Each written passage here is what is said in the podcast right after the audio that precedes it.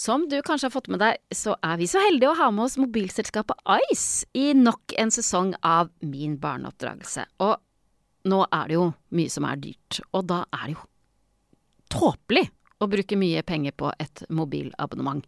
Nå kan du teste Ice og få 30 gigabyte eh, mobildata i to måneder til bare 99 kroner måneden. Og etter to måneder så kan du fortsette med det abonnementet du selv velger, eller la Ice velge det de anbefaler basert på din bruk. Helt uten bindingstid, ingenting å tape, mye penger å spare. Og pengene du sparer kan du jo for eksempel da bruke på, ja, ferien din. Les mer på ice.no. Ukas annonsør er butikkjeden Ekstra. Grillsesongen nærmer seg. Hurra!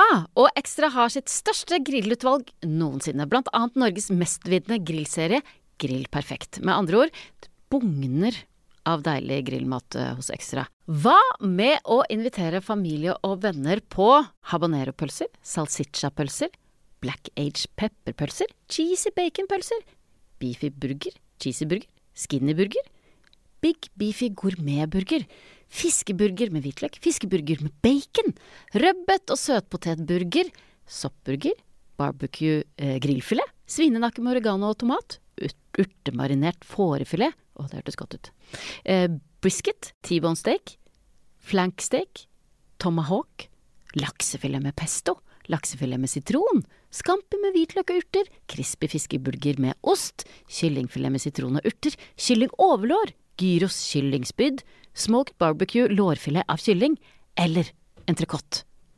Guri malla, nå kjente jeg at jeg ble sulten, og jeg antar at det samme gjelder for deg. Stikk innom Ekstra og finn din grillfavoritt. Bon appétit! Hei, jeg heter Solveig Kloppen, og dette er Min barneoppdragelse. En podkastserie hvor jeg møter folk for å høre hvordan de oppdrar og har oppdratt barna sine. Selv har jeg to barn på 14 og 17 år. Ingen har gitt meg mer glede i livet. Få har gjort meg mer frustrert og fortvila. For hva gjør man når det er fem minutter til morgenmøtet begynner og treåringen nekter å ta på seg parkdressen? Hvordan snakker man med 15-åringen om ølposene som ligger i hekken? Hvordan trøster du barnet ditt som går gjennom sin aller første kjærlighetssorg? I det hele tatt, hva gjør og sier du for at barnet ditt skal mestre livet på best mulig vis? Jeg har ikke lyst til å gi deg oppskriften på riktig barneoppdragelse, men at du heller får høre andre foreldres erfaringer. Kanskje plukker du opp noen tips til hva du selv ønsker, eller absolutt ikke ønsker å gjøre.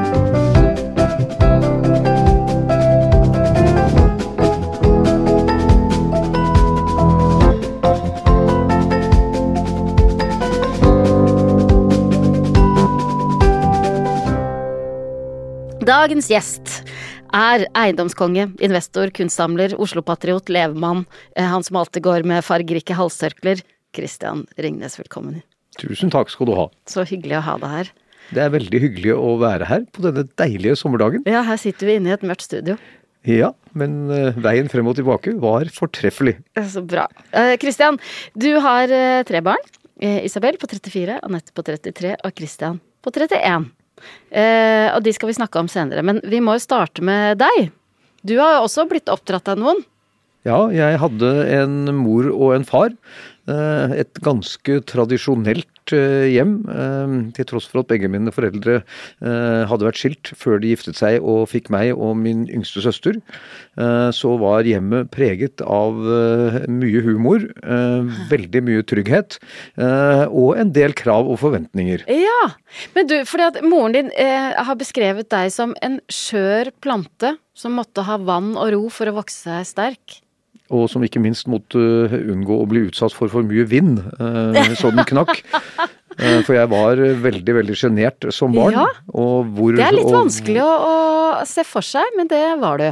Ja, jeg tror det er noe med at man ofte overkompenserer eh, for det man har lidd under i barndommen. Eh, så vil man iallfall prøve å eh, komme seg forbi det. Og da kan det kanskje bli litt mye av det gode med Maskorama og andre ting. Men i alle fall, det var et først og fremst veldig trygt hjem. Ja. Og jeg tror jo, hvis jeg skulle gi ett eneste godt råd for barneoppdragelse, så sørg for at barna dine er trygge og at de vet at de er elsket. Det går utenpå alt annet. Ja, Men når du sier det, for hvordan, hvordan kjenner man det? Det du, du, må gjøre det, du kan ikke si det. Eh, du må leve sånn som eh, at du utstråler eh, tryggheten i alle situasjoner. Jeg tror det er veldig, veldig godt når kriser oppstår, og det gjør du hele tiden, at det er et fjell som står der, og som du som barn kan løpe til. Og selvfølgelig vil du løpe lenger og lenger vekk fra dette fjellet jo voksnere du blir, men du vil alltid ha godheten av å vite at det er der hvis det monner på. Jeg syns veldig mange av de utrygge menneskene jeg ser, så er det fordi det er et eller annet tull i relasjonen med mor og far. Men, og i ditt tilfelle, var det først og fremst eh, mor som var eh, det trygge fjellet som du kunne løpe til? Ja og nei. Eh, mor var det trygge fjellet fordi hun var alltid omsorgen, og jeg var hennes lille ridder, som hun kalte meg.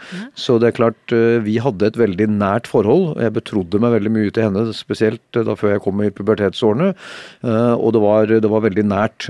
Min far var jo på en måte ikonet og stortryggheten. For det var jo han som sørget for at det kom uh, mat på bordet. Ja. Uh, når det skjedde et eller annet, så var det jo alltid far som tok lid. Og far var veldig initiativrik. Så der hvor mor kunne sitte og snakke om noe eller tenke på å gjøre noe, så hadde min far gjort det allerede før hun hadde tenkt tanken ferdig. Så det ble jo mye far i det ytre livet, men akkurat det der med det personlige forholdet ble mye sterkere med mor. Ja. Kan du huske noen spesielle samtaler dere har hatt hjemme hos eh i ditt barndomshjem? Ja, jeg kan jo huske tusener av de. Eh, veldig ofte eh, så var jo min mor den som hadde sørget for at det lå noe godt i spiskammeret som vi hadde. Eh, vi er jo enkle mennesker, og det å alltid vite at det kanskje var en liten kotelett eller en lite kakestykke eller et eller annet som man kunne gå ut og, og ta. Dette høres veldig banalt ut, men, men, det er noe med den der tryggheten, det, det, det, det vante, det faste, denne gleden som du vet du får. Og så var jo min mor veldig flink til å spørre hvordan vi hadde det. Eh, og da var vi jo veldig åpne, så jeg ble jo som mange andre mobbet på skolen. Det var spesielt én gutt, husker jeg, som eh, beskyldte oss for å stå og røyke bak Vinnernhuset. Og når du er et skjørt sinn, så er det fryktelige beskyldninger å få. Ja, for du sto ikke og røyka bak uh... Nei, jeg gjorde ikke det. Så, og dette turte jeg jo ikke å fortelle verken til klasseforstanderen eller til min mor. Ja. Men det var jo min mor som fikk høre det først, da. Så det var hun jeg betrodde meg til til syvende og sist. Ja. Og var, var, hun streng da, eller hva, hvordan var det en sånn samtale? Nei, da hadde jeg jo i og for seg ordnet opp i det, da. For jeg kom jo på, uh, midt oppi all den ertingen, at jeg måtte bare legge an en litt annen. Um, så jeg, jeg, fant at jeg skulle begynne å le an og si at jeg brydde meg mindre. Og det var nok veldig smart, smart. fordi uh, da ble det liksom ikke noe morsomt å erte meg lenger. Um, og da kunne jeg fortelle om det etterpå, for da hadde jeg jo på en måte mestret det. Men jeg, jeg visste at min mor ville være der for meg. Mm. Det hadde vært mye vanskeligere å fortelle far om det. Han ville bare sagt ja, du må ut og slåss. Og det hadde jeg jo ja. absolutt ikke noe kraft til med en gutt som var to år eldre enn meg. men, du, men, den sjenansen din, hvordan kom den? Eller var, den veldig hemmende? Ja, den var jo ekstremt hemmende uh, i to sammenhenger. Det ene var at jeg turte jo ikke å gå på buss eller trikk, uh, fordi det var jo skummelt med nye mennesker. Jeg var jo aldri redd for å hoppe fra høye fjell eller liksom gjøre den typen ting, men det der som involverte nye mennesker, om det var å ringe til en taxi, kunne jeg jo ikke gjøre. Så det ble mye gåing uh, og mye ensomhet i oppveksten. Og jeg syns egentlig at jeg var en veldig fin kar, men jeg klarte bare ikke å forholde meg til andre mennesker, og det er jo typisk for sjenerte. Mm. Og så kom det veldig an på. For noen litt mindre sirkler behersket jeg jo fint men det var det med det fremmede. Og det tok lang tid for meg å overvinne det, og du kan selv tenke deg i ungdomsårene hvor du skal uh, sjekke damer. Uh, du kommer ikke langt hvis ikke du kan si noe engang. Da skal du i hvert fall se veldig bra ut, og det har jeg egentlig aldri gjort. men, men det å ha sjenerte barn, det er jo mange foreldre som syns det er eh, vanskelig å, å bivåne, rett og slett. Hvordan forholdt dine foreldre seg til din sjenanse? Nei, Det var der dette kom opp. Eh, for min far var nok litt sånn, hadde syntes at det var ikke noe særlig tak i meg på en periode, og ville vel gjerne presse meg til å gjøre ting. Og det var der min mor var den kloke og sa at eh, jeg var en sart blomst, så han skal få vokse opp i fred og ro. Se, han har jo masse kvaliteter. Han er jo kjempeflink til alt han driver med. Kjempegod på skolen. Han tør jo alt av sånne fysiske ting. Bare la det gå i fred og ro, så kommer dette til å ordne seg av seg selv. Og det var jo det som skjedde. Klok mor. Veldig klok mor. Ja, veldig klok. For det der kunne blitt hvis du hadde hatt en veldig eh, Nå var min far veldig klok og veldig humoristisk. og Han ertet jo ganske mange mye, søstrene mine mye mer enn det han ertet meg. Um, og det var litt det samme. Han skjønte vel, da takket være min mor, at uh, det ville ikke være så vellykket å drive herre med meg. Nei. Eh, og hvor viktig har din egen oppdragelse vært for hvordan du har oppdra oppdratt dine barn? Jeg opplever at mine barn eh, på en måte er eh, antagelig genetisk da mye bedre skodd, for det var ingen av dem som var spesielt sjenerte. Um, de det, jo- har det vært nesten sånn Frykta du det, på en måte? At noen av de skulle ha arva din sjenanse? Nei, egentlig ikke, for jeg visste jo at man kommer ut av det. Ja. På en måte, altså du blir jo en tenksom og rar fyr. Det er jo, det er jo dette bildet av disse amerikanske barna som går ut av high school, hvor, hvor det er 'Who's most likely to succeed' i årboken. Og det er jo uten unntak de som er most likely to succeed, kommer jo stort sett ingen vei i det hele tatt, for de er fornøyd og de har alt. Ja. Men sånne raringer som meg og en god del andre, om du nå er Petter Pære eller eh, liksom eh, eh, Kjell Inge Røkke eller hvem det måtte Ja, være. for Petter Pære er da Petter Stordalen. Ja, ikke sant. Um, så det er klart det, å skulle bevise noe er ofte en veldig sterk drivkraft i seg selv. Du må finne din glede i noe annet enn bare å gå rundt og være flott, liksom. Ja. Ok. eh, Og eh, mm, er det noe fra din egen oppdragelse du har tenkt nei, dette skal jeg ikke videreføre? Nei, det er det faktisk ikke. Um, Jeg tror kanskje én ting. Min far var veldig, veldig morsom. Han var veldig god til å erte. Jeg har ikke ertet mine barn like mye som Har du han. men du har erta barna dine? Absolutt, men det er grader av ting, så jeg vil si at det er, det er heller det at det er som å sitte på et sånt miksebord, hvor du har litt mer av det ene og litt mer av det andre. Eh, For det, det, det var ingenting de gjorde som jeg mener at har påført meg eh, veldig ubehag eller veldig skade. Det må jeg virkelig si. Jeg syns de var veldig kloke begge to. Ja. Men det at faren din ja, erta mye, kan du huske liksom episoder hvor du eh, følte at han eh, At det var i overkant? Eh, Det, jeg syns jo ikke det den gangen, men sånn sett i etterkant. Å si til min søster at hvis du piller deg mer i nesen nå, så blir nesen din så stor som en stikkontakt. Og da neste gang hun gjør det, så sier han at ja, nå er den faktisk blitt så stor som en stikkontakt. Det er klart, det for et ungt barnesinn kan være hardt å bære, og da løper man skrikende fra bordet. Og sånne scener var det veldig mange av. Men du, eh, vi skal snakke om dine barn, da. Eh, før du fikk ditt første barn, Isabel, hva, hva slags far så du for deg at du skulle bli og være? Det tror jeg ikke jeg tenkte så mye over. Eh, Du var bare 27 år. Eh, ja, eh, jeg var eh, 27 år da jeg traff min hjertens utkårede Denise. Uh, men vi ventet jo ganske lenge med å få barn, så jeg tror jeg var 35 uh, da jeg fikk Isabel. Var du det, ja? Nei, Først så så jeg for meg at eh, Denise og jeg skulle ha fem romantiske år uten eh, barn, for jeg visste jo at å ha barn er slitsomt, så jeg tenkte det var lurt av oss å bygge opp et fond av gode minner, som jeg pleide å kalle det, eh, og tære på i vanskelige tider. Eh, og eh, så får man jo veldig lyst til å få barn, eh, og det er jo ikke noe at du trykker på knappen og så kommer det med en gang, så vi holdt jo på en stund før vi fikk eh, Isabel. Gikk veldig mye fortere med resten av en eller annen merkelig grunn. Um, men uh, da ville jeg jo bare være idealfaren, altså jeg ville jo gjøre alt riktig, og jeg visste jeg ville være morsom og leken og liksom Og så visste jeg at eh, jeg ville prøve å få dem til å gå sin egen vei i livet, og ikke arve seg inn i eh, forpliktelser. For det hadde jeg jo allerede den gangen sett ganske mange ikke vellykkede eksempler på. Ja, og så er det så Ikke sant, det er, det er jo eh, lett å si teorien.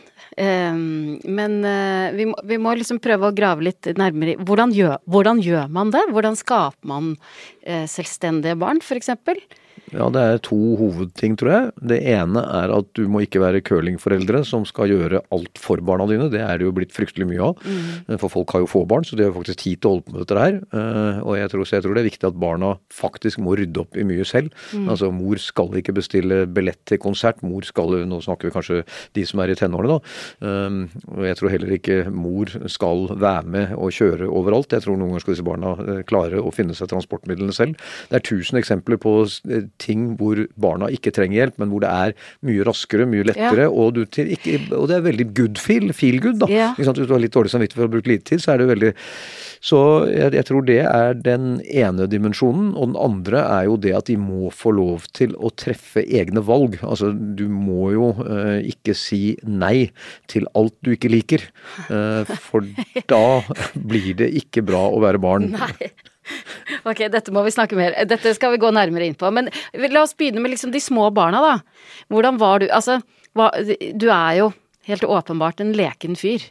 Eh, Jeg ser for meg at du, du lekte med dem istedenfor å lese avisen. Det er stort sett riktig. Eh, nå er jeg veldig glad i å eh, fred og ro, så jeg Ja. låste meg da inne på toalettet. Men det tok jo ikke så lang tid før min yngste sønn, eh, da var han veldig ung, lærte seg hvordan man dirker opp den døren. Så vi ble etter hvert et hyggelig selskap der inne med to-tre barn og meg. eh, eh, Og da var jo den fritidsstunden forsvunnet. Så nei, det er jo riktig at når jeg først var hjemme, og jeg var jo ikke en far som var veldig mye hjemme, så når jeg først var hjemme, så prøvde jeg jo virkelig å være hjemme. Eh, Og så er det jo innimellom så var det jo da telefoner og ting du måtte holde på med, og det var alltid like forferdelig. Jeg husker jeg satt jo som styreformann i TV 2 en periode, og aksjonærene ble uvenner, og det var det, Jeg husker bare at jeg skapet på landstedet, vi hadde en gammel faksmaskin, og det bare det var sånn med ett papir, ikke flere, bare- ett papir, det bare rullet ut, hele stuen ble full, og jeg skulle jo ut på båttur med barna, det hadde vi planlagt lenge, og så sitter du der og ser den der rullen og bare vet at dette må du lese, ellers så blir det ja, veldig ubehagelig da for alle involverte, fordi det var liksom jeg som skulle eh, stå i fronten og prøve å megle.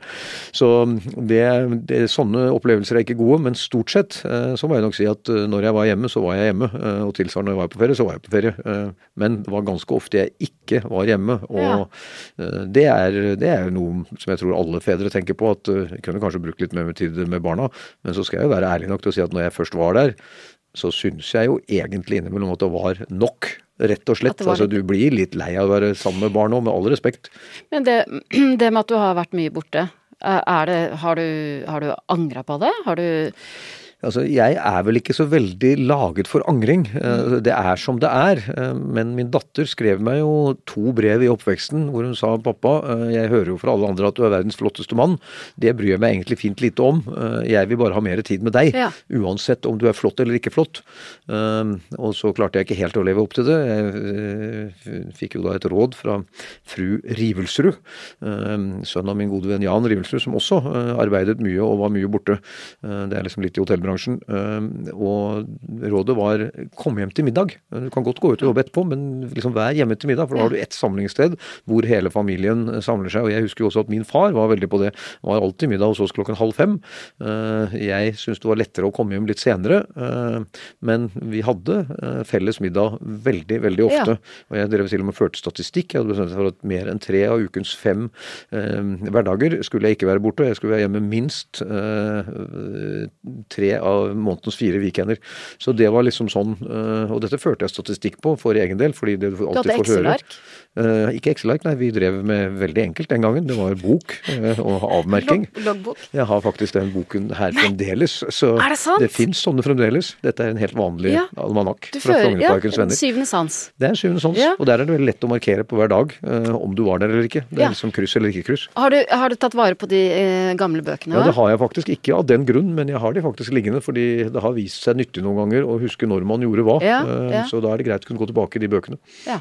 Så der kan du se. Jeg spiste ganske ofte middag hjemme. Ja, jeg, satte det over på et ark også, eh, så jeg hadde, men, men jeg tror ikke alltid fordi sant, Hvis du drar igjen nokså fort ettermiddag, så kan jo det også føles som en savn. Nå var det jo I de yngre årene var jo ikke det noe problem, for da la jeg jo barna først. Ja. Eh, Og de var jo kanskje lagt klokken halv åtte-åtte eller noe sånt. Så det var nok min stakkars Denise det gikk mest utover. Ja. Hun var hjemmeværende. Hun var hjemmeværende. Mm. Det eh, var en luksus for mine barn. Ja. Og hun var ikke hjemmeværende før hun fikk nummer eh, Ja, var i ferd med å få nummer tre. eh, Så det Men det, da ble det mye å gjøre. Uh, ja, leggerutiner. Hva, hva slags Hvilke leggerutiner hadde dere? Nei, De var nok preget av litt gøy og moro. Jeg har hørt at barn egentlig skal kjede seg veldig mye før de går og legger seg, fordi det er så mye lettere å få det til å sovne sånn. Det var ikke akkurat sånn hos oss. Jeg tok dem inn i, eh, i starten et felles dynetrekk eh, og bar dem rundt og sang 'Kaptein Tabelsongtanner', hei og, og 'Nå er skatten vår' og sånn, og vandret eh, gjennom huset opp og ned trapper og, og sånn. Og det var de jo veldig, syntes jo var veldig gøy. Så, men de hadde jo ikke så veldig lyst til å legge seg etterpå. Men det ble på en måte dealen. At når vi hadde gjort det, da måtte vi legge oss. Hvordan var det? Fikk de lov til å komme inn i senga deres eh, på natta? Eh, nei, egentlig gjorde de ikke det. Eh, de gjorde jo litt allikevel, og spesielt da de var unge. Men eh, nei, i forhold til hva jeg har sett og hørt andre steder, så tror jeg våre barn var eh, ganske flinke til å finne ut at det å ligge for seg selv var helt ok. Ja. ja. De hadde egne soverom. De var små, men de hadde egne soverom. Eh, dette med TV de, de fikk se noe TV. De fikk se masse TV, eh, fordi eh, Denise hadde ikke samme Hun kommer fra Amerika, og der er TV en del av hverdagen. Og de har den stående på uten at de ser så mye på den. Og så var det jo ganske mange serier som familien syntes var morsomme å se på. Det kunne være sex og singelliv, og ja, det var sikkert masse andre også. Og i yngre år så var det jo fint at de så på noe Donald Duck og Snehvit og sånn, eh, særlig på tidlig på søndag morgener. Så det var jo ikke det at ikke de fikk lov. Men jeg satte meg aldri ned jeg bare sto uh, og så. Uh, og i det så lå det jo en sånn slags at jeg kommer ikke til å være her så lenge. Uh, så igjen så er det jo da ikke nødvendigvis å nekte, men å foregå med det gode eksempelet. Og så er det jo å prøve å finne alternative ting mm -hmm. å mhm. drive med, da. Mm -hmm. Istedenfor at vi skal se på TV, kan vi ikke heller gjøre noe annet. og så har vi alltid hatt nokså Vi har, har mange hytter uten strøm og sånn, og det er klart da får du heller ikke til dette med TV. så vi har vel, og også på den hytta på fjellet, så ble det ofte at vi satt og så på sånne videokassetter. Mm. Og det er noe litt annet, for da setter du liksom ned til en, en mm. forestilling, mm. og så varer den så lenge, og så er det over. Mm. Det som jeg ikke liker, er den der hvor du sitter og ser på TV-program så du egentlig ikke ah, det, Du bare sitter der, og så går tida. Men når du gjør det på den amerikanske måten, hvor samtalen går like godt og du, den egentlig bare er der, da blir det ikke så farlig. Um, men det er klart, eh, lekser. Uh, skulle du ikke gjøre lekser nå istedenfor å se på dette TV-programmet mm. som du egentlig ikke syns er så veldig morsomt. Mm -hmm. Jo, men det er kjempemorsomt, pappa! Det er mm. kjempemorsomt! Ja, hvor morsomt er det egentlig? ikke sant? Men, du, men, var du da typen som, når du syntes det var nok, kunne gå og bare slå av, slå av TV-en og si nå holder det? Nei, jeg har ikke gjort det. Altså Vi gjorde det jo om morgenen uh, når vi skulle ut. Ja, ja. For da kunne det være en sånn derre uh, men, men, det var jo ikke noe dramatikk. Det var liksom ikke sånn at dere får ikke lov, det er bare nå slår vi av TV for nå skal vi ut og gjøre noe annet. Og det, og det er ingen som har noe problem med. Uh, og det kunne til og med være at pappa, vi må se fem minutter til. Ja, så fiktivt det, da. ikke sant. Men nei, og jeg gikk Men, men jeg tror nok igjen, dette var jo en del av opplegget til Denise og meg. Altså du må jo bli enig. Hva ja. er regelen?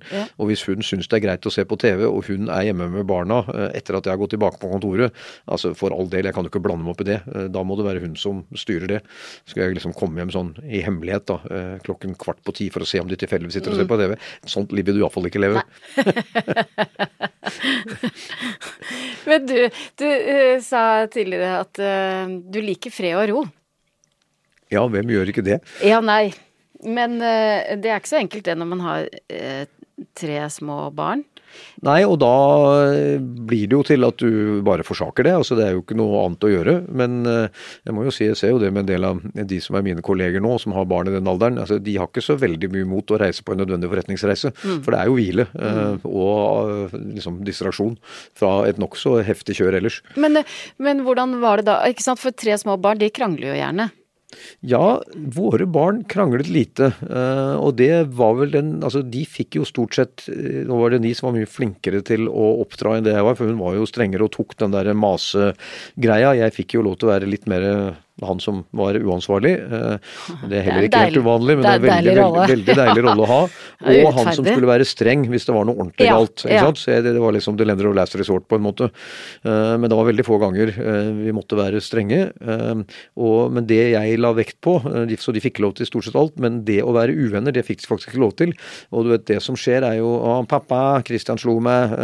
'Pappa, Isabel har tatt dukken min'. Altså alt sånn. Da sa jeg bare det er jeg helt uinteressert i. Det jeg er interessert i, er at dere holder frem med hverandre. Så hvem som har den dukken, får dere aldri meg til å ta noe parti i. Bli venner. Og så var det noen ganger de ikke ble venner allikevel. Jeg husker de satt og sloss om en sånn tøydukke bak i bilen en gang. Uh, og da tar jeg og bare napper den tøydukken og kaster den ut av vinduet i fart og sier at sånn går det når dere ikke er venner. Og så stoppet jeg bilen, og da trodde de jo selvfølgelig at uh, jeg skulle nå stoppe og hente den, ja. men da kjørte jeg bare rygget over den og kjørte videre. For å være ordentlig tydelig på hva poenget var. og hvordan reagerte de? Nei, De var helt sjokkert. De sa jo ikke et ord. No. Eh, men jeg tror jeg tenkte I got the message. Er de gode venner den dag i dag? Ja, veldig gode venner. De er mm. veldig mye sammen. Og det er vel en av mine største kilder til eh, glede. Mm. Eh, at de faktisk har det så moro og så hyggelig sammen. Og at de vil hverandre så vel hele tiden.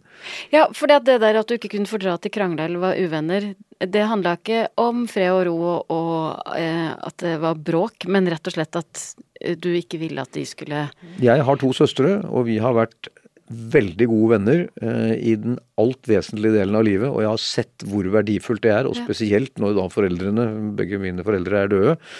Da er det jo ikke så mye grunnfjell igjen å søke mot, eh, og da søker du naturlig mot eh, de som du virkelig tror aldri kan tenke så vil deg noe vondt, Ja. og det er jo søsknene. Og jeg blir jo veldig lei meg hver gang jeg ser et arveoppgjør eller noen som krangler om en hyttevei eller hva det kan være noe, og så går det liksom i stykker dem imellom på altså helt idiotiske ting. Men da er det følelser og ting som kommer opp. Og da er det kanskje lurt å ha i bakhodet at uh, dette er Nå ville far rotert i graven uh, hvis Ja. han visste at vi slåss. Ja. Ja, for hva er ditt beste råd da til foreldre for at uh, barna deres skal beholde et godt vennskap? For det første så tror jeg eh, du kan si hva du vil, men det er det du gjør som spiller noen rolle. Så hvis du snakker stygt om dine søsken, så er det på en måte lov. Hvis du alltid snakker pent om dine søsken, og til og med er mye sammen med dem, mm. så blir det veldig mye lettere å tro på at det faktisk er en stor kvalitet i livet. Eh, Og så tror jeg at det er masse ting med, som hvor du forteller om folk som har oppført seg dårlig, og i motsetning til da Ringnes-familien, vi driver jo alltid og opphøyer oss selv veldig, eh, så det er jo ingen som eh, skjønner at dette er sant, og det er det jo ikke heller, men vi driver og opphøyer vår familie skal være vennlig, og i vår familie så er det aldri krangel i arveoppgjør, og det er en del ting som Ja, er vår ja. families greier, Ja. da. Um, Og så tror En jeg slags hustavle, nesten. Bare at den mm, så, og så er det vel litt hell også, altså for de er jo jævlig greie mennesker alle tre. Og det er jo lettere å være venner med jævlig greie mennesker enn det er å være med kødder. Ja, ja. Så de er Og jeg igjen, altså jeg, jeg tror ikke jeg kan overvurdere min, min kone, tidligere kone, da, Denises eh, innflytelse over denne Mm. barneoppdragelsen. For hun var nok veldig mye av den som bar det der. mm. Var det hun som fikk på dem lue når det var minus ti ute, og de nekta å Ja, det var vel ikke så mye nekting på det. Eh, Vi hadde jo en del eksempler hvor de nektet ting, og da fikk de jo lov til å gå ut eh, uten Ja. lue. Men vi hadde jo da med luen i for sikkerhets skyld, da. Eh, Og det ble jo veldig kaldt, så da var det kanskje ikke dumt med Ja. lue allikevel. Men dere lot dem, dere lot dem gå ut uten lue? Ja, jeg mer enn Denise. Ja. Denise var nok litt mer ansvarlig. Jeg sa de dør nok ikke av dette heller. Nei. Men, men kan du huske episoder hvor du har på en måte mista det? Hvor du har eh, at uh, nå klikker jeg, liksom? Ja, det er et par sånne. Um, og det har veldig ofte hatt med når de liksom gikk helt uh, i lås på et eller annet. Ja. Jeg husker en gang hvor min datter Anette uh, vi var ute og gikk på en jakttur med ganske mange mennesker, og så plutselig så ble hun lei seg for et eller annet, og så bare stakk hun. Uh, og vi var midt inne på fjellet, og hun var borte. Og det er klart, Da var jeg jo så redd at da jeg først eh, traff henne da, så var jeg ganske sinna. Og så var det en annen gang, og det var min sønn, så vidt jeg husker. Eh, Det er litt sånn at du husker ikke helt hvem det var bestandig. Um, Men da eh, skulle vi i et selskap opp hos noen mennesker som bodde på en gård litt unna, eh, og så eh, eh, var han ikke å finne eh, i huset. Eh, og jeg er ganske opptatt av å prøve å komme som noenlunde presis, iallfall hvis man skal i en sånn mm. feiring. Eh, og så hadde han da låst seg inne på toalettet og ville ikke låse seg ut. Og da var jeg ganske sinna. ja. Eh, Hva sier du da? Nei, Jeg var bare kjempesint og sa at nå er det ikke et ord uh, før vi er fremme, eller den typen ting, eller hvorfor gjorde du det, og alt mulig sånn. Men det har vært utrolig lite av det, Uh, så det har ikke vært mye grunn til å, som du sier, miste det. Og eh, eh, heldigvis så er det ingen i vår familie som er spesielt voldelig anlagt, for det er jo en virkelig kilde til utrygghet, hvis du liksom bare gir bort en lusing når du blir oppgitt og fortvilt. Så det har jo alltid vært på det verbale, eh, men du verden, det kan være sterkt nok, det. Ja. Men har det skjedd så få ganger at de kanskje husker godt disse episodene, de òg? Ja, det vil jeg tro. Ja. Jeg har ikke akkurat spurt dem, men jeg ville tro, og særlig den til Anette hvor hun forsvant, for da, da var jeg jo helt livredd. Ja. Når vi så henne liksom løpe på langt, langt hold midt ute i Hvorfor løpe? Nei, hun var øh, veldig lei seg for et eller annet. Og det rare er at det er som det ofte er, at jeg husker ikke hva det var. Eller hun var blitt øh, fornærmet over noe, eller hva det Ja. Så det er jo ikke det at du husker så veldig godt, og det tror ikke det var spesielt meg, men det var mer situasjonen. At Ja, det ikke var, ja. Men det var jo jeg som måtte løpe etter, og det var jeg som ble sinna for at Ja. hun liksom forsvant. Og så sier jo da selvfølgelig et godt barn eh, som er smart, det sier jo da at ja, det er bare fordi du Du var ikke egentlig redd for meg, men det var bare fordi du syntes det var ubehagelig at et Mm. av barna dine skulle oppføre seg på en sånn måte og sånn. Og hun hadde jo litt rett i det òg. Mm. Så ja da, nei, de vet jo, de vet jo litt om psykologi. ja, ja. Men, men eh, det der med at eh, Ikke sant, du eh, Som forretningsmann så er du jo nødt til å ta en del risiko. Ja. eh, Ellers så lykkes man jo ikke. Nei, det kan man jo snakke en hel dag om, hva som reelt sett er risiko. Ja, men hvordan har det vært i forhold til Hvordan har risikovurderingen vært i forhold til barna dine? Hiring for your small business? If you're not looking for professionals on LinkedIn, you're looking in the wrong place. That's like looking for your car keys in a fish tank. LinkedIn helps you hire professionals you can't find anywhere else, even those who aren't actively searching for a new job but might be open to the perfect role. In a given month, over 70% of LinkedIn users don't even visit other leading job sites. So start looking in the right place. With LinkedIn, you can hire professionals like a professional. Post your free job on linkedin.com slash people today.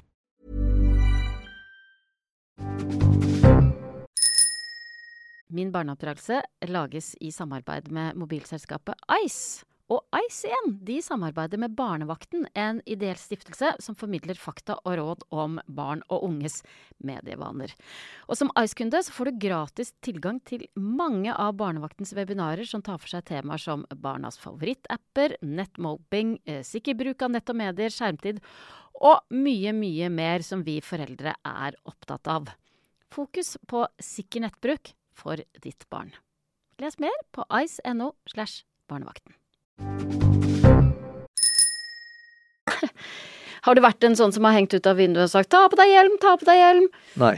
Ehm, jeg jo, bruker jo absolutt ikke noen hjelmer selv. Jeg bruker jo ikke sikkerhetsbelte, jeg bruker jo ingenting. Så det da å si til mine du barn at det Du bruker ikke sikkerhetsbelte engang, Nei. Det er spennende. Jeg, Jeg så en gang en som fikk en sånn tømmerstokk innenfor for frontruten og satt uh, spent fast i sikkerhetsselet, så jeg tenkte at ja, uh, statistisk sett så er sjansen for at du slår deg når du blir kastet rundt i bilen mye større, men akkurat det der å være låst fast i en posisjon når det kommer noe, det, det, det så ikke. ikke så bra ut.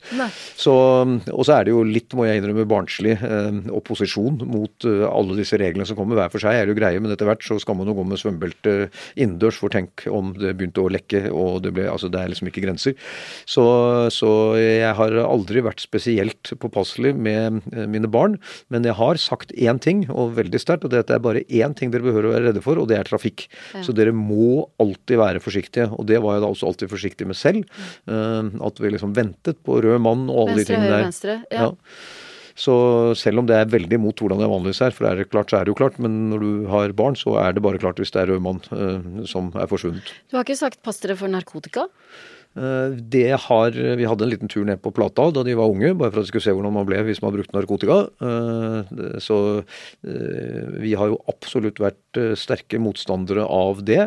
Alkohol er vel kanskje den farligste narkotikaen du har. Ja. og Det er jo ingen som bor der hvor jeg bor hvor ikke man drikker en god del. På vestkant, beste vestkant? Beste vestkant. Jeg tror det gjelder veldig mange andre steder òg, men på beste vestkant prøver man ikke å skjule det engang, fordi det er bare en del av liksom, the good life. Mm -hmm. Og det da å passe på at man ikke er full det er jo en veldig god idé. Eh, så jeg tror det var Isabel som sa til meg men pappa, du, du er jo aldri full, du. Jeg eh, tenkte ja, det, det kan nok hende jeg har vært, men eh, iallfall ikke når jeg er sammen med dere. Nei. Ja, for hva slags samtaler har dere hatt rundt alkohol? Altså Hvis vi skal begynne å bevege oss over i ungdomstida, liksom. Hva, har dere satt dere ned og sagt nå skal vi snakke om rus? Nei, det har vi vel egentlig ikke. Men vi har jo ikke, det har jo absolutt ikke vært noe tema som har vært ikke snakkbart. Og barna har jo i veldig stor grad selv tatt initiativet til de samtalene. Ja. Uh, og vi har jo alltid vært veldig på at uh, alkohol er helt greit. Uh, vi har til og med snakket om barna i Frankrike som får alkohol fra de er ti år gamle. Men det handler om måtehold alt sammen. Ja. og så vet vi jo at nå må de første møtene med alkoholen og ungdommen det blir jo turbulent. Fordi ja. de klarer jo ikke å beregne mengder og kjenner ikke igjen signalene på når man liksom skal stoppe og sånn. Men vi har jo alltid sagt at hvis dere er helt ute å kjøre eller halvt ute å kjøre, kom dere hjem. altså Dere får aldri kjeft av oss fordi dere er fulle. For vi skjønner jo at det er ikke nødvendigvis en villet tilstand. Det er helt greit. Ehm, så vi har vært veldig åpne på akkurat det. Og så har vi bare vært veldig mot uh, all uh, sånn uh, annen bruk av stoffer. Og de slapp vel iallfall unna den bølgen som er nå, for nå tror jeg det er enda mer utpreget og mm. liksom sånn. og i motsetning til hva jeg trodde da jeg vokste opp, så var jo liksom, jeg hadde lest bøker om narkotika. det var ikke Våre foreldre snakket jo ikke noe om det. Men det var jo liksom, altså hvis du brukte narkotika, ja. da var du jo ferdig. Ja, ja, da, da, var du død med en gang. og så har man jo sett senere at det er ikke helt sånn, da. Nei. Men jeg har jo en god del venner som brukte en god del marihuana. og og hasj i oppveksten, og de kom jo ikke bra ut av det. Også Noen av dem gikk helt over ende, og eh, en del av de andre ble mye sløvere enn de ellers hadde behøvd å være. Og så er det ikke sikkert at de ville vært så veldig skarpe allikevel, men det hjalp iallfall ikke, det er jeg helt sikker på. Var det sånn at dere sendte med dem en flaske vin?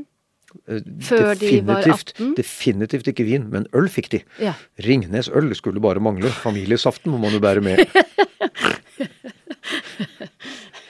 Men og, eh, samtaler om sex, da? Har dere Ja, hatt det det? har vel ikke helt vært mitt uh, bord. Uh, uh, jeg har en følelse at de var veldig velutdannet på det veldig tidlig. Eh, Isabel gikk jo foran på alt, og hun hadde jo gutter hjemme på besøk lenge før Denise, og jeg syntes det var greit. Men Isabel er ganske viljesterk, så det var bare sånn det var. Det Ja. kunne vi bare drite i å synes noe om. Ja. Um, så ja, nei, det, de, de har nok for en stor glad klart seg på egen hånd. Jeg har iallfall ikke hatt noen sånn blomsten og bien-samtale med de, men altså det var jo begynt å komme internett, så jeg mener du er jo ganske isolert fra verden hvis ikke du har sett det meste når du er tolv år gammel, liksom. Hvordan var diskusjonene rundt middagsbordet hjemme hos dere? Var det, Det var det handlet veldig mye om hva vi hadde gjort, Ja. og spesielt hva barna hadde gjort. Ja. Eh, Vi hadde barna eh, En annen ting som vi gjorde mye hos oss, var at vi sa kom med vennene deres hit. Ja. Eh, Her er det alltid åpent. Vi har en, en kjellerstue, vi har en have. altså Ta dem hit. Og så Vi hadde veldig god kontroll da på hva barna drev med. og Det var ikke fordi vi ville ha kontroll, men vi fikk det fordi Ja. alle vennene deres var der. Ja. Så vi visste jo hvem de snakket om når det var ved middagsbordet. Vi visste hvem vi syntes var bra, og hvem vi ikke syntes var bra, og alt mulig sånn. Og det er klart det er begrenset hva du kan styre, fordi de velger jo litt sine egne venner, og det er spesielt i en alder rundt ja, jeg vet ikke om det er 13 til 18 eller 14 til 17 eller hva det er for noe, men det er noen år der hvor eh, det er så viktig å være akseptert av sine jevngamle at eh, der må mor og far skjønne at uh, de, de kan si noe, men de kan ikke insistere så mye, for da virker Nei. det bare helt mot sin hensikt. Ja, for hvordan, hvordan gjorde dere det? Altså, var det mulig å snu deg i, hvis man diskuterte et eller annet, og du egentlig hadde bestemt deg? Isabel vil på hyttetur. Ja, da får Isabel dra på hyttetur. Ja. Eh, Isabel vil til Amsterdam. Hun er 16 år, vil til Amsterdam med Det får nok ikke Isabel lov til. Eh, Ja, men hvis Isabel sier eh, Ja, men hør nå her, pappa. Vi er tre fornuftige jenter. Vi lover Så kanskje Isabel fikk lov allikevel. Ikke sant, For det kommer an på settingen og hvem hun reiser Ja. med, og liksom hva vi føler av trygghet. Må jeg si at akkurat Amsterdam er kanskje ikke altså Det er liksom uh, hasjens og pornoens hovedstad, og det er mye annet som flyter der. Og så jeg er ikke helt sikker på om altså Jeg tror jeg ville strevd litt lenger med den. ja, Men det går an. Poenget her det har gått an å snu deg. å ja, absolutt. Eh, Det har nok vært mye vanskeligere å snu Denise enn å snu meg. Ja. Eh, For Denise er ganske bestemt, og på viktige ting. Eh, Så hun ble jo respektert for det også. Meg var det vel kanskje litt mer vant til at det gikk an å snu. Det løn, lønte seg å, å spørre pappa. Det tror jeg det alltid gjør. Eh, Altså, nå ble jeg veldig stereotyp, men jeg tror menn har lettere for å si ja. Ja. De har ikke Ja. samme fantasien i forhold til hva som er er det det det handler om? Ja, jeg tror det er en viktig del av det. Og så tror jeg det er veldig mye altså Det er jo en forskjell i risikoprofil. Har du noen gang sett liksom et utdrikningslag med damer som går inn på en gravemaskinsplass og setter seg inn i gravemaskiner og kjører bare for å se hvordan det er? Altså det er De skiltene er laget for menn. Men eh, ja. Hvordan har dere snakket med barna om eh, penger? Vi har vært ganske nøkterne på det, og der var jo jeg mye mer nøktern enn Denise. eh, For Denise er sånn som ikke skjønner hvorfor man skal vente til bursdager hvis man trenger noe nå. Ja. Eh, Jeg har liksom alltid vært sånn at eh, det skal være litt trangt materielt, for da gleder man seg mye mer over det man får. Den tror jeg at jeg tapte litt, men barna vokste opp med en ganske så nøktern livsførsel, og det var til tross for at vi hadde jo liksom båt på fjorden og kjørte fine biler og sånn, men de, de hadde på deling en brukt Golf, eh, som de liksom eh, etter tur fikk bruke når de fikk sertifikatet sitt. Eh, og det er klart det er jo en stor luksus for all del, men det er jo liksom ikke én Porsche til hver, eh, som jeg har sett enkelte holde på med. Eh, så det, og så har jeg alltid sagt at eh, ja, eh, vi vokser opp i en velhavende familie, men dere får ikke annet av meg enn utdannelsen deres. Dere kan utdanne dere eh, til hva dere vil, og så lenge dere vil. Det skal jeg prøve å betale. Og så får dere kanskje hjelp til første eh, leilighet. Men etter det så må dere klare dere selv. Og så blir det jo ikke helt sånn, men det var det de gikk og trodde i hele Ja. oppveksten. Og det betyr jo at du da får et ganske sterkt insentiv til å få deg din egen plattform, når du ikke vet at du bare skal til å arve. Hvordan opplevde de det? Jeg tror de opplevde det som veldig greit. og altså, Det gode med Norge er jo at det, det, majoriteten av vennene deres var jo ikke super well off. Så dette var nokså vanlig. Mm. At folk ikke hadde all verdens. Fikk du ukelønn? Ja, de fikk ukelønn. Måtte de gjøre noe for å få pengene? Det var eh, absolutt plikter, spesielt på landet, for da var jeg sterkt involvert. Da var jeg jo der hele tiden. Så da ble det laget slaverilister eh, med eh, ansvar for enkelte områder. Det var Noen hadde oppvasken, noen måtte vaske gulvet, noen måtte tømme dobøtter. Det var liksom litt sånn forskjellig hva de måtte ha ansvaret for. Kan man si at det høres ut som du har Dere har egentlig hatt ganske sånn lydige barn, da? Ja, og til tross for at de er jaggu meg veldig viljesterke. Ja. Så jeg tror det har vært veldig mye på at uh, kardemommeloven, på en måte. Altså du skal uh, ikke plage andre. Og det er jo litt å plage folk hvis du sier 'hvorfor skal jeg stå her og vaske opp', vi har spist dette sammen. Det er jo fair at du tar din del av jobben, du òg. Ja. Det er litt vanskelig å svare mot det, ja. for da plager du jo liksom foreldrene dine. Det er det jo ingen som har lyst til. Så jeg tror det er veldig mye hvordan sånne ting liksom legges frem og presenteres, ja. og at alle, alle bidrar med sitt. Mm. Men, men, det der at dere tross alt da, eh, ikke sant, du har oppdratt barn i en privilegert, velstående del av samfunnet. Har du vært redd for at de skulle bli bortskjemte? Har du sett liksom ja, jeg har vært ganske opptatt av det. Ja. Uh, og så er det jo litt sånn at uh, igjen, uh, du må gjøre én ting og si én ting. Og jeg har jo alltid vært ganske lemfeldig med uh, mye av det. så Jeg går jo veldig ofte litt Jeg har jo uh, ryktet meg for å være et stilikon, men det er jo bare vås. altså Jeg går jo med dresser som er flekkete, og jeg kjøper dress hvert tredje år og sånn. Så det er liksom det, er ganske, ganske nøkternt i det daglige hos oss. og så er det noen ting vi ikke er nøkterne på. altså Reiser. Vi har jo reist mange fine steder. Det har ikke vært nøkternt. Men det har liksom vært litt sånn drømmeverden. Det er liksom noe annet. Ja. Hvor har dere reist den da? Nei, vi hadde en tradisjon å reise til Alpene, til et sted som heter Syrs. Eh, og det gjorde vi i veldig mange år, egentlig fra barna lærte å stå ski der. Eh, og til ja, eh, at de var veldig godt voksne. Og eh, til og med etter at Nils og jeg skilte oss, så vi, dro vi sammen ned dit. Um, så det var én. Og så hadde vi eh, 10- og 15-årstur, var jeg som fant det på. At jeg ville ha tiårstur med ett av barna, hvor vi da reiste et eller annet sted i verden. Og det var sånn, ikke sant, da var det jo syv årene du skulle velge. Så da var det liksom Og de, kunne velge hva som helst. Så det ble én i Australia, én i Afrika og én på Hawaii. Det er liksom steder man hadde lest om, men ikke hadde noe forhold til. Uh, og det er klart det er kjempemoro for en far som er litt mye borte, ikke sant? fordi når du er sammen med Det er noe med å være sammen med tre barn det blir aldri veldig mye konsentrasjon om ett av dem, fordi de snakker i munnen på mm. hverandre, og det er liksom pappa ser og alt mulig sånn. Men når du reiser med én, da blir du godt kjent. Så det mm. var for min del helt fantastiske turer. Og mm, Denise var jo imot det sånn i utgangspunktet, for da, var vi ikke en familie, og det hadde hun sikkert rett i. Um, men hun tok jo da i gåseøyne hevn, fordi da kom 15-årsturene hvor hun reiste med barna. Og da var det Galapagos og alt mulig sånt. Så akkurat der har vi jo på en måte skjemt det bort, men det har vært veldig tydelig at det der var noe at, veldig spesielt. Ja, ja. Og liksom to ganger i livet. Mm. Og nå har de blitt voksne, alle tre? Ja, de har de. Og du vet, eh, som foreldre eh, så er du jo, iallfall jeg, utrolig lykkelig over to ting. Én, det ble godt folk av dem. Ja. Og to, det har ikke skjedd noe. Altså, de er ikke ikke vært ordentlig syke, noen av dem. Vi hadde jo en del sånne scares i oppveksten, vi som alle andre, men ingenting som var farlig og som vedvarte. Eh, og heller ingen alvorlige ulykker. Og det er klart, det, det er liksom ja. Dette er jo det vi går og er redde for hele tiden. Ja. Og når du tenker på det, så får du klump i magen. Men det, tar det slutt noen gang, da? Nei. Nei. Det, jeg tror virkelig ikke det. Eh, det der tror jeg bare er evigvarende, og heldigvis, jo eldre det blir, jo mer har du en følelse at nå er det vel jeg som er blitt såpass uh, ufornuftig og skrøpelig at nå er det vel meg det kommer til å gå galt med, og, og, lettelsen er enorm. For da blir det riktig rekkefølge. ja, ja. Men, og hva slags far er du for barna dine i dag? Jeg prøver å være en omsorgsfull og morsom far nå også, så vi er jo ganske mye sammen. Ja. Eh, hva gjør dere når dere er sammen? Veldig ofte spiser vi middag. Det er liksom det som er hengt igjen. Og det kan være på restaurant, men det er oftere hjemme hos meg. Så jeg prøver å invitere dem iallfall en gang i måneden. Kanskje til og med litt oftere.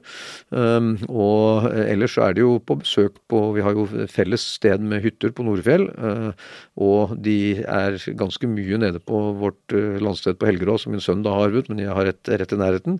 Så vi er en god del der. Blant annet så var nå Isabel og Skage og lille Falk, eh, mitt barnebarn, ja. var til stede der og feiret den tre dager. Og du vet, det er, det er, det er helt sånn vidunderlig.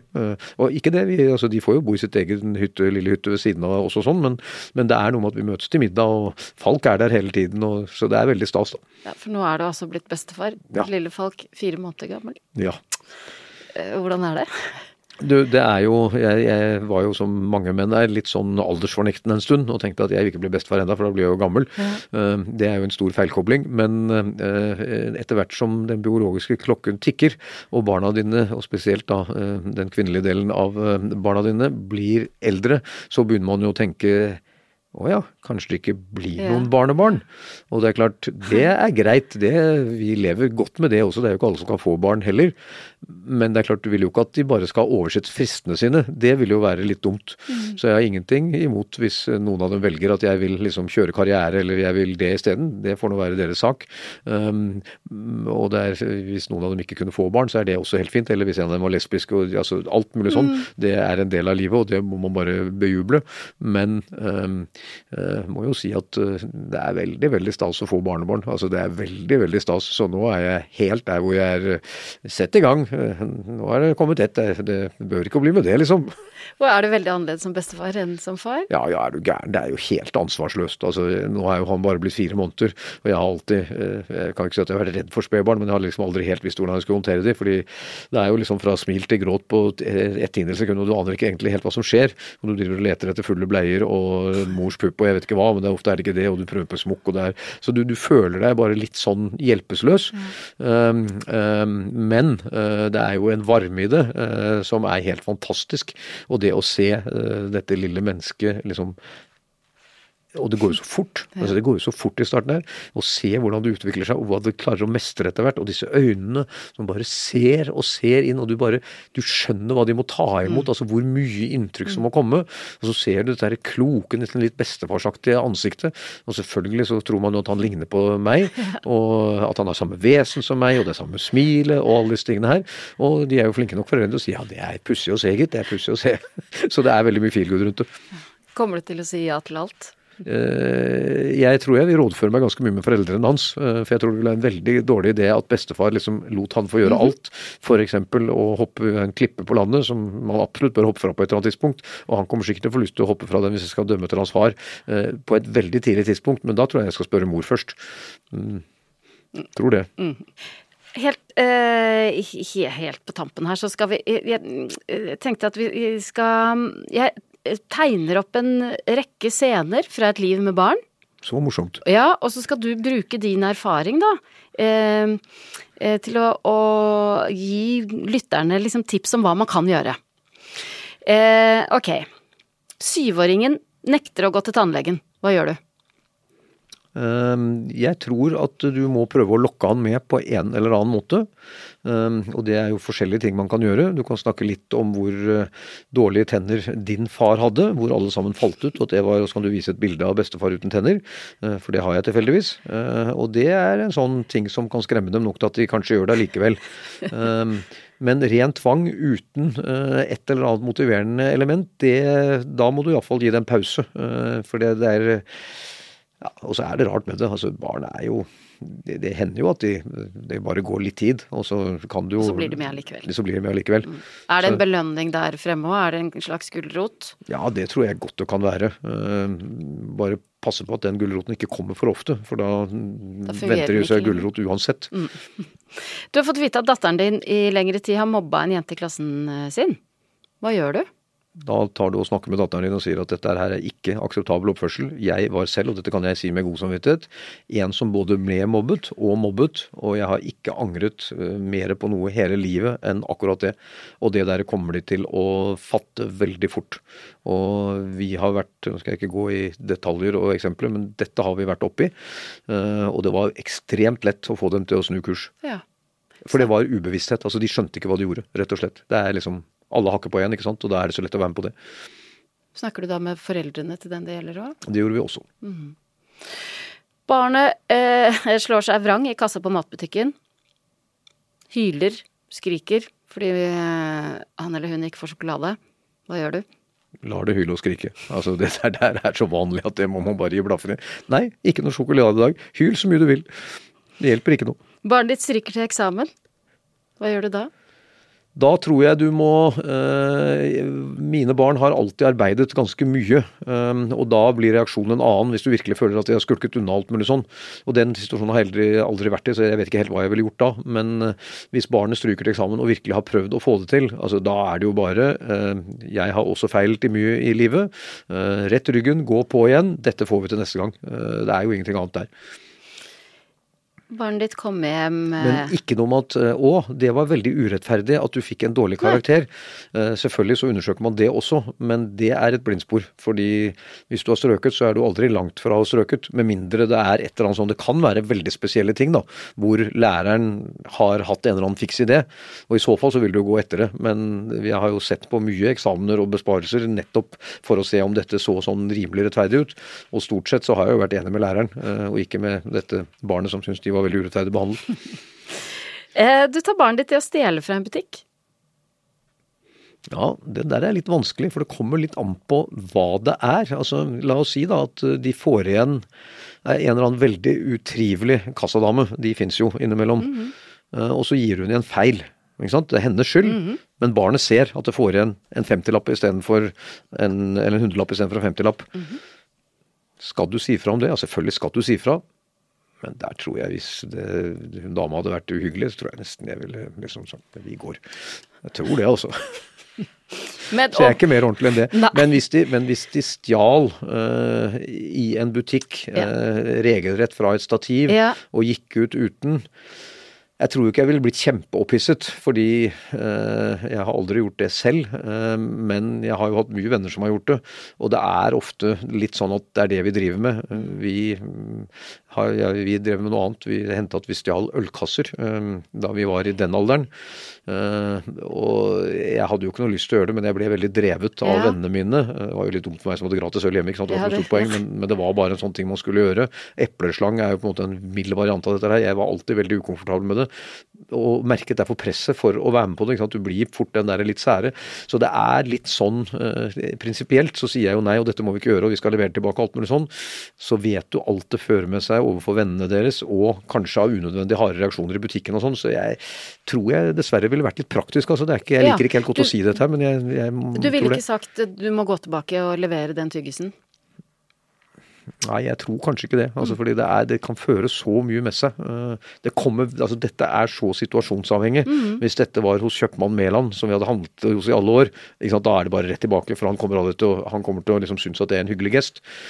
Hvis det er i en butikk hvor du vet at de eh, anmelder alt, eh, og det blir politisak av det ja, jeg tror kanskje ikke at du har lyst til å Men hva ville du sagt da for, at du, for å, å unngå at det skjer igjen?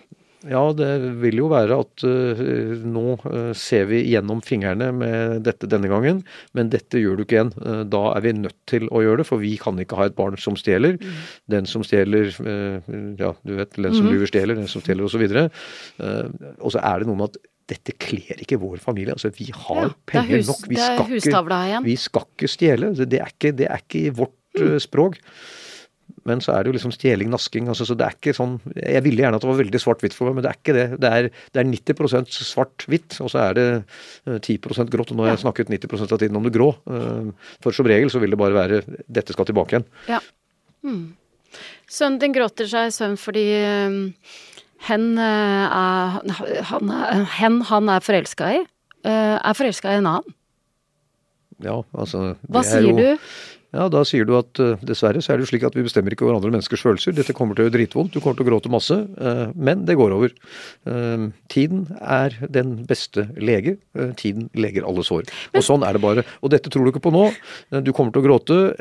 Jeg kan godt prøve å hjelpe deg ut av det, men det er bare sånn det er. Du får ikke snudd dette der. Cut your losses and let your profits run. Da nærmer vi oss slutten, Kristian. Men er det sånn, har ditt syn på barneoppdragelse endra seg underveis? Nei, egentlig ikke. Eh, Jeg vil si at for meg så har det alltid vært det viktigste. eh, Gjør det du vil at barna dine skal gjøre, og, og skjønn at det å si ting, hvis ikke du gjør det også, eh, det er umulig.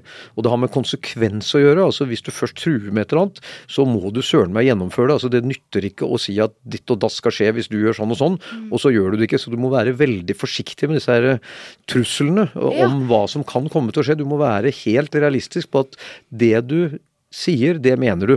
Og det tror jeg virkelig er viktig eh, i en barneoppdragelse, for det er så mange som de sier så mye som de ikke klarer å gjennomføre. Og da lærer, hva lærer barnet da? Ja, nei, det gjelder én lov for meg og én for henne, og hva kan jeg egentlig stole på? Så hvis du skal ha gjennomslag for ordene dine, så tror jeg du må være villig til å argumentere. Altså, fordi det er ting som faktisk skal argumenteres. Jo sjeldnere du sier 'fordi pappa har sagt at det er sånn', jo bedre er det. ikke sant? For det er, det er ikke noe god oppskrift. Det, det, det, skaper masse resentment. Og det er klart det kan være litt vanskelig da, hvis sønnen din ikke vil klippe gresset, og du mener at nå er det virkelig din tur til å klippe gresset her, og så går du og gjør det selv.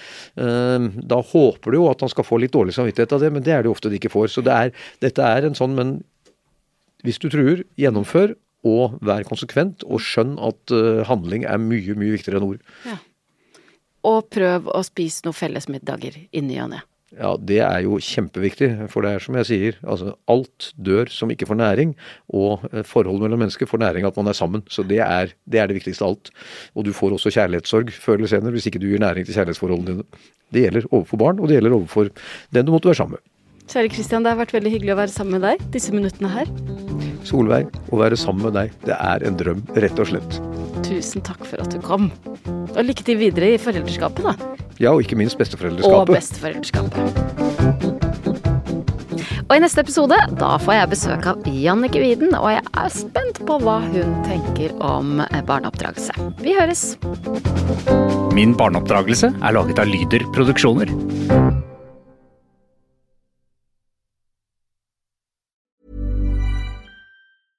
Mom deserves the best, and there's no better place to shop for Mother's Day than Whole Foods Market. They're your destination for unbeatable savings, from premium gifts to show-stopping flowers and irresistible desserts. Start by saving 33% with Prime on all body care and candles. Then get a 15-stem bunch of tulips for just $9.99 each with Prime. Round out Mom's menu with festive rosé, irresistible berry chantilly cake, and more special treats. Come celebrate Mother's Day at Whole Foods Market. Planning for your next trip? Elevate your travel style with Quince. Quince has all the jet setting essentials you'll want for your next getaway, like European linen, premium luggage options, buttery soft Italian leather bags, and so much more. And is all priced at 50 to 80% less than similar brands. Plus, Quince only works with factories that use safe and ethical manufacturing practices. Pack your bags with high-quality essentials you'll be wearing for vacations to come with Quince. Go to quince.com slash pack for free shipping and 365-day returns.